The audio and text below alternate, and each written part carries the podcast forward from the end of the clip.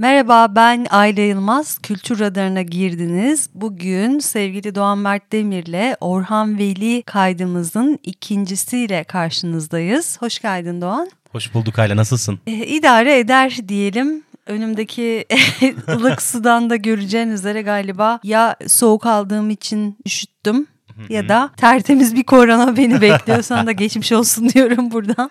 Mevsim değişiyor normal tabii bu mevsim geçişlerinde. Yani şu sezonu hastalık olmadan atlatmak çok kolay değil. E, öyle ama yani her hafta hasta olmak da beni çok yordu ya da iki haftada bir hasta olmak da. Sanırım e, çok üşüdüm son birkaç gündür yolda. Ya şeydi kıştan kışa bir grip ya da bir nezle oluyorduk. Şimdi kıştan kışa bir grip bir covid oluyoruz galiba. Evet muhtemelen. O kadar da ben maske takmaya dikkat ediyorum ama işte üşüttüğümü düşünerek kendimi avutmak istiyorum yine de. Geçen şeyde seni e, Rozman'da gördüm. Koca marketin mağazanın içinde tek başına maske takan sendin dışarıdan gördüğümde. Öyle mi? Doğrudur. Evet. Ner- Neredeki Rozman'da gördün? Rozman'dan reklam mı aldık? Yok hayır ama olabilirler yani. Yani e, kapalı alanda e, takmaya devam ediyorum ama o kapalı alandan adımımı atıyorum ya trink maskeyi çıkarıyorum. Çünkü ben zaten çok grip olan ve ağır yaşayan bir insanım. Covid olmanın dışında herhangi bir hastalıkla uğraşmaya takatim yok. Ama ilginç bir şey söyleyeceğim. Bu bir iki haftadır her gün metro kullanıyorum ben de. Bu bir iki haftadır şeyi fark ettim. İnanılmaz derecede maskede bir artış var. E, insanlar çünkü bakıyorlar ki etrafında hastalıklar fır dönüyor. Evet. Orhan Veli'nin ikinci bölümüyle merakla bekliyorum çünkü bu bölümü. Devam edelim istersen. Birinci bölümü nerede bırakmıştık? Kısaca bir hatırlatabilir misin bize? Birinci bölümü Melih Cevdet'in şahane anısıyla bitirmiştik. Hani Askerlik anısı. Ha, evet, evet, hatırlıyorum. komutan demişti iyi iyi siz böyle böyle şiiri bitireceksiniz diye orada kalmıştık. Şimdi biz e, aslında bu kişilerden bahsederken onların yakın çevrelerinden de bahsediyoruz. E doğal olarak da Orhan Veli'den bahsettiğimizde yine kültür sanat dünyasının önemli bu dünyaya katkıda bulunmuş isimleriyle karşılaşıyoruz. Yani bu yüzden Orhan Veli'den bahsederken biz aynı zamanda Melih Cevdet'ten bahsedeceğiz. E, yine Oktay Rıfat'tan... Tanpınar'dan bahset Ha, şimdi. Tanpınar'dan Adamın bahsettik. lise hocası yani. Evet bir isimle daha karşılaşıyoruz. Bu da yine Türk kültür sanat dünyası için çok önemli bir isim. Kimdir o? Eyüpoğullarından biri. Bedri Rahmi olabilir mi? Diğeri Sabahattin. evet Sabahattin Eyüpoğlu'ndan bahsedeceğiz. Çünkü Sabahattin Eyüpoğlu da Orhan Veli'nin en yakın dostlarından biri. Aa, Hı hı. E, Sabahattin Eyüpoğlu Orhan Veli ile İstanbul Üniversitesi Edebiyat Fakültesinde tanışıyorlar. Orhan Veli o sırada fakültenin öğrencilerinden biri. Sabahattin Eyüpoğlu ise Londra'da İngiliz edebiyatı çalışırken İstanbul'a dönmüş ve İstanbul Üniversitesi Romanoloji bölümüne doçent olarak atanmış. ya fakülteye bakar mısın? Bir tarafta değil Mina mi? Urgan var, bir tarafta Sabahattin Eyüpoğlu var. Diğer tarafta Orhan Veli var. Yani e, edebiyat fakültesinde gidip onlarla bir çay içesi geliyor insanın ya. Ekibe bak yani. Evet evet.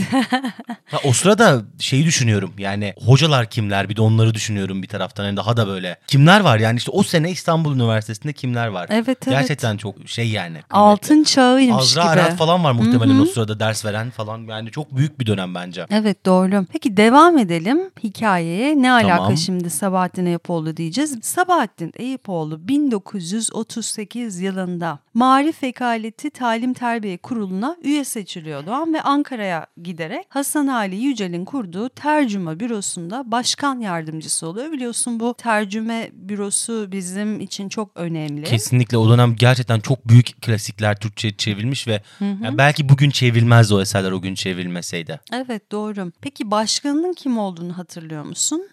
Bunların hepsine ben hani başkanlık eden kişiyi aslında Hasan Ali Yücel sanıyordum ama Başkan da Nurullah Ataç oluyor Doğan. Büronun kurulma amacı malumun önemli klasiklerin Türkçe'ye çevrilmesi. Evet Türkçe'ye çevirmek asıl amaç bu ve bu amaçta ilk iş olarak çevrilecek klasikleri belirliyorlar. İşte tercümenin genel ilke ve kurallarını saptıyorlar gibi gibi kuralların olduğu bir liste söz konusu ve bu çevrilecek kitapların olduğu liste 1940 yılında hazırlanıyor. Neler var listede diye bir bakalım. Mesela 117 tane İngiliz, 12 tane Arap, 93 tane Yunan, 15 Amerikan, 209 Fransız ve 40 tane de İtalyan klasiği olmak üzere toplam 778 kitap belirleniyor. Şimdi çevrem bana kızacak ama Arapları biraz az tutmuşlar önemli Arap klasikleri. o dönemde evet çevrilenler var hatırladığım kadarıyla. Taberi'nin kısa bir kısmı çevriliyor. Küçük bir kısmı 4 cilt halinde çevriliyor. O yıllar için Taberi'nin çevrilmesi büyük bir şey. İbn Haldun yine çevriliyor. Böyle yarım yamalak bir çeviri.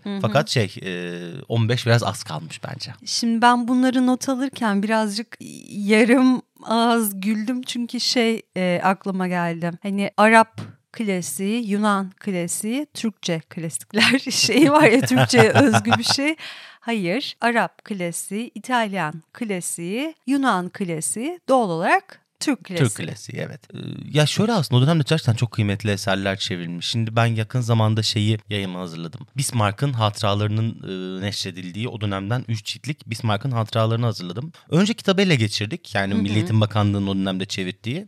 Nicat Akipek diye birisi çevirmiş. Kim olduğunu da çok kolay bulamadık. Hasbel kader işte ölüm ilanları gazeteden araştıra araştıra kızının adına rastladım. Kızıyla irtibata geçtim. Dedim yani ben babanızın tercümesini okudum çok beğendim. Yayın haklarını satın almak istiyoruz. Ticari anlaşmayı yaptık. Gerçekten yani muazzam bir çeviri. Gerçekten bugün o kitabı ben çevirtmeye kalksam o kadar lezzetli bir Türkçeyi o kadar kusursuz çevirtemem. Tek yaptığım şey oldu. İmlayı biraz günümüze çevirdik. Yani kral I ile yazıyormuş. Onu işte kral şeklinde yaptık. Hani buna benzer basit düzeltmeler yaptık. Gerçekten yani o dönemde yapılan çeviriler çok kıymetli. Elbette üstüne koyulması lazım. O dönem çevrilmiş bir daha çevirmeyelim denmemesi lazım. Ama böyle köşe bucakta kalmış çevirilerin tekrardan gün yüzüne çıkması gerekiyor bence. Şimdi biz bu eserlerin çevrilmesinin çok önemli olduğunu düşünüyoruz. Bizim böyle düşünmemiz çok e, normal. Çünkü var olan bir şeyin sonucunu gördük zaman olarak. Ama böyle düşünen isimlerden biri de Hasan Ali Yücel. Yani bu çeviriler dizisinin çağdaşlaşmamıza en çok etki edecek temel şeylerden biri olduğunu düşünüyor kendisi. Peki Sabahattin Eyüpoğlu dedik tercüme bürosu dedik. Hasan Ali Yücel dedik. Peki Orhan Veli bunun neresinde ne alaka diyecek olursak Orhan Veli de 1941 yılında doğan tercüme bürosunda çalışmaya başlıyor. Konumu yabancı dildeki bu çevrilecek bu kitapların ayırt edilmesinde çalışacak bir fiş memuru olacak Orhan Veli. Tam olarak iç tanımı kendisinin bu. Ve Tercüme adında bir dergi çıkarılıyor. Bu derginin evet. bilirsin Hı-hı. şiir özel sayısı da Orhan Veli ile dop dolu. Hem kendisinin hem de arkadaşlarıyla yaptığı tercümeler var bu dergide. Sonra Orhan Veli Kanık imzasıyla da yazdığı şiirleri bir takma isimle yayımlıyor Orhan Veli. O isim de Adil Han'la. Geçen kayıtta Orhan Veli'nin e, memurluk hayatından bahsetmiştik onun memurluğa çok uygun olmayışından bahsetmiştik. Evet memurluğa uygun bir yapısı yok bunu belgelerle de e, kanıtlandığını evet, söyledik. Şiirlerle hatta. Evet şiirlerle de hatta. Ama Orhan Veli klasik bir memur gibi doğan mesai saatlerine öyle çok fazla uyması da bu işte canla başla çalışıyor. Arkadaşları özellikle de az önce bahsi geçen Sabahattin Eyüpoğlu bu işe tercüme dergisindeki görevine iyice ısındığını düşünüyor. Erol Güney, Orhan Veli'nin hem okuldan hem de tercüme bürosundan yakın arkadaşıdır. Erol Güney Orhan Veli için şöyle diyor. Bana da öyle geliyordu ki Orhan Veli bundan sonra içkiye devam etse bile çalışma hırsını koruyacak ve daha düzgün bir hayat tarzına başlayacaktı. Sabahattin ve ben Orhan Veli'nin tercüme dergisindeki görevine iyice ısındığını düşünüyorduk. Bundan sonra hem çalışabilecek hem para kazanacak hem de güzel şiirler yazmaya devam edebilecekti. Şimdi e, bu açıklamalardan gördüğümüz bir şey var. Orhan Veli'nin arkadaşlarının Orhan Veli için bir kaygısı söz konusu değil mi? Yani düzenli işe gitmek, düzenli para kazanmak, içkiden birazcık uzak durmak gibi arkadaşları için bir kaygı var. Ama fark ettiysen bu kaygı Melih Cevdet için geçerli değil. Melih Cevdet'in daha az içtiğini ve daha düzgün bir hayat yaşadığını düşünmüşler çünkü. Anladım. Yani Melih Cevdet hakkında bir kaygı duymuyorlar yani. Evet yani Orhan Veli kadar en azından e, duymuyorlar. Demek ki Melih Cevdet ayarını tutturabiliyor yani. Her şeyin fazlası zararlıdır ya. Evet. Fazla şiirden öldü Edip Cansever. evet. Cemal Süreyya'nın e, neyi diyelim? Otopsisi. E, Böyle arkadaşlar zordur ama Doğan ya. Yani evet birini çok seversin, onun iyi olmasını istersin ama onun içine düştüğü o halden bir türlü çıkmayışı seni çok yorar. Evet o kişiden daha fazla o kişi için uğraşan kişi, adamı yorar. Evet. Herkesin de yaşadığı böyle bir şey vardır yani böyle. Vardır. Evet doğru. Sanırım Orhan Veli işte gruptaki o arkadaş. Şimdi bu Melih Cevdet'in düzenli hayatı gidiyor ama bir şey oluyor ve o düzenli hayat bir anda bozuluyor. Nedir? Hasan Ali Yücel istifaya zorlanıyor. Tercüme bürosunda büyük değişiklikler yapılıyor. Mesela Sabahattin Eyüpoğlu tercüme bürosundan istifa edip Paris'e gidiyor. E tabi bunun ucu diğer isimlere de dokununca Melih Cevdet Neşriyat Müdürlüğü'nden Orhan Veli de tercüme bürosundan istifa etmek zorunda kalıyorlar. Ama bu isimlerin içinde Orhan Veli'nin istifa etme yöntemi çok kendine özgün. Bambaşka bir hikayeye sahip. Belki e, istifa etmek, e, hayata yeniden başlamak isteyen dinleyicilerimiz vardır. Onlara bir ilham olur bu istifa etme şekli. Ondan bahsedelim. Nasıl istifa etmiş Orhan Veli? Orhan Veli e, şiirinden de anladığımız kadarıyla muzip biri. Sarkasizmi seviyor. Evet seviyor. E, doğal olarak e, kendi hayatına da bunu yansıtıyor. Tamam edebi şeylerine tamam ama aynesi iştir kişinin lafa bakılmasını hem lafta gösteriyor Orhan Veli hem hayatında. Ne yapıyor biliyor musun Doğan? Orhan Veli yanına bir şişe şarabı alıp tercüme bürosuna gidiyor. Ve şişeyi de Hasan Ali Yücel'in yerine getirilen Reşat Şemsettin'in önünde yere çalıyor. Bütün ofis kokuya boğuluyor ve o günden sonra Orhan Veli bir daha işe gitmiyor. işte bu Orhan Veli'nin ben istifa ediyorum deme şekli. Bana da bir arkadaşım hatırlattı kesin böyle yapardı diye düşündüm şimdi. Ve Orhan Veli'nin bu düzenli çalışma hayatı bir şişe şarabı yere, yere çalışıyla sona eriyor ve ilginçtir ki o günden bu istifadan sonra Orhan Veli'nin ölümüne kadar sürecek maddi zorluklar dönemi başlıyor. Yani Orhan Veli'nin maddi hayatı bir şişe şaraptan önce ve bir şişe şaraptan sonra diye ikiye ayrılabilir. Orhan Veli, şair Orhan Veli'nin bir roman yazma fikri de vardı o an. Hatta kendi eliyle bir roman kapağı tasarlamış. Adını da koymuş. Nedir adı? Dünyalarının dışında. Dünyalarının dışında. Dünyalarının dışında romanın adı bu olacaktı. Epeyce yazdığını söylediği bu romandan elimizde sadece tasarladığı kapak ve romanla ilgili birkaç cümle kalmış Doğan. Yani bir taslak kalmış diyelim. Ve gelelim Orhan Veli'nin benim için imgelerinden biri olan dünyanın en tatlı hayvanıyla olan ilişkisine tabii Kedi. ki kediler. Orhan Veli'nin Türk edebiyatında kedi deyince aklımıza gelen isimlerden başta değil mi Orhan Veli? Kim geliyor? Tabii, Tanpınar. şiir. Kim? Orhan Veli. Tomris Uyar kesinlikle. doğru, Onun doğru. da kırlenti vardı. e, sarı çizmelisi vardı sanırım kedileri. Başka kimler var? Edebiyat ne dışına kedisiz ne çıkınca kitapsız diyen Bilge Karasu. Bakışsız bir kedi kara Ece Ayhan. Aa evet. Başka kimler var? İkinci Abdülhamid'in de kedisi varmış. Edebiyatımız diyoruz. Şaka yapıyorum. Niyeyse daha çok düz yazıcılar seviyor anladığım kadarıyla şiiri değil mi? Küçük İskender'in 13 yaşında ölmüş bayıldığı bir kedisi vardı. Hmm. Küçük İskender kedici, Lale Müldür. Şöyle bir şey var aslında. Kedi sevgisi çok daha fazla insanda olabilir de bunu eserlerine yansıtmaya tercih etmemiş olabilirler. Ama e, kedi öyle bir şey ki eserine yansımaması mümkün değil bence ya. Yani e, şöyle bir düşününce kedi çok seven ve eserine yansıtmamış düz yazı ya da şiir hiç kimse yok bence. İlla bence kediyi yani nereden bilebiliriz ki yansıt, yansıtmadığını hiç yansıtmadıysa E, bilemeyiz. fotoğrafları var. İnsan bir kediyi ancak çok sevdiğinde öyle poz verebilir. Çok cadıysa fotoğraf da çektirememişlerdir. Fotoğrafta çok yoğun olmadığı zamanlardan bah düşün. Doğru olabilir. Benim beneğim mesela. Benim tekir kedim var benek. O da e, maşallah insan sevgisizliğiyle meşhurdur. Gelelim Orhan Veli ile kedilerin mevzusuna. Kuyruklu şiiri biliyoruz değil mi hepimiz? Sen ciğercinin kedisi, ben, Ben sokak, sokak kedisi. kedisi. Ha. Şimdi Orhan Veli'nin e, Erol Güney adında bir arkadaşı var. Orhan Veli'nin en sık ziyaret ettiği evlerden biri de Ero- Erol Güneylerin evi.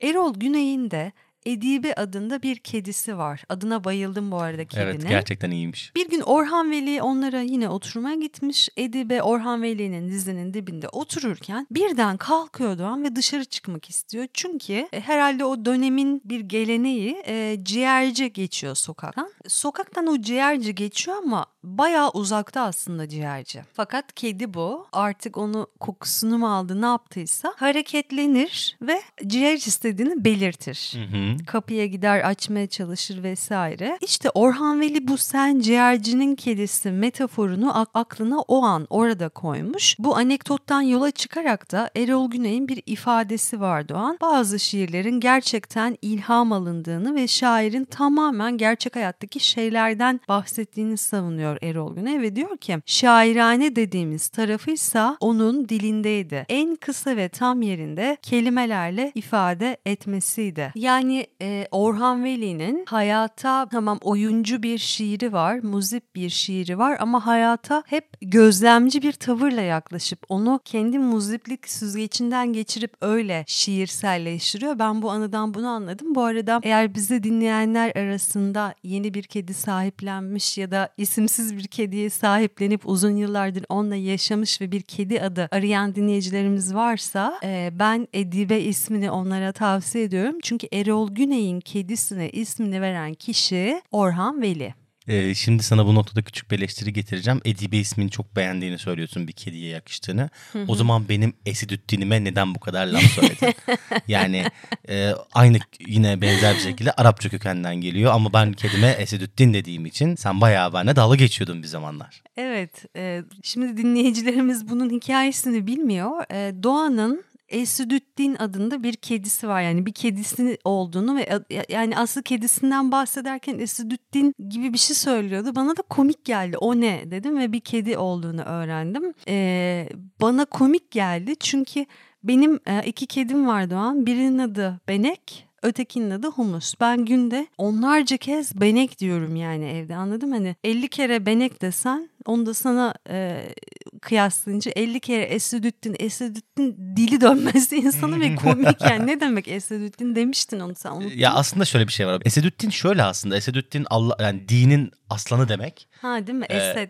Evet e, ama şöyle bir şey Ee, var. Benim o ismi vermemin sebebi. e, ben Selahattin Eyyubi dönemi üzerine bir yüksek lisans yaptım. Selahattin Eyyubi'nin amcasının adı Esedüddin Şirkuh. Şöyle bir hikayesi oldu. Ben bu ismi çok beğendim genel olarak yani Esedüddin Şirkuh olarak. Tam tezi yazdığım sırada bir keresinde Bauhaus'a gitmiştik ve küçük bir kaktüs almıştım. Ona Şirkuh adını koymuştum. Fakat daha sonra bir alan araştırmasına gittik. Bir ay falan üniversitedeki odama uğrayamadım. Öldü. Ve döndüğümde bir e, şeyin kaktüsün tamamen vıcık vıcık bir halde olduğunu an gördüm. Öyle bir ölüm olmuş. Çok üzülmüştüm o zaman. Şirkuhu kullandığım için e, kediye de Esedüddin demiştim. Yani aslında orada herhangi bir şey dinin aslında anlamı değil de Esedüddin Şirkuhu sevdiğim bir karakter tarihi olarak olduğu için koydum. Kedinin Esedüddin kaktüsünde şirkuh olması bana Ot dergisinde çıkıyordu bir ara. Arife ve kaktüsü vardı biliyor musun onu? Yok hayır ben o dergisi hiç takip etmedim. Onun çizimleri vardı Arife'nin. Şu an gülüyorsun sen takip ettin diye.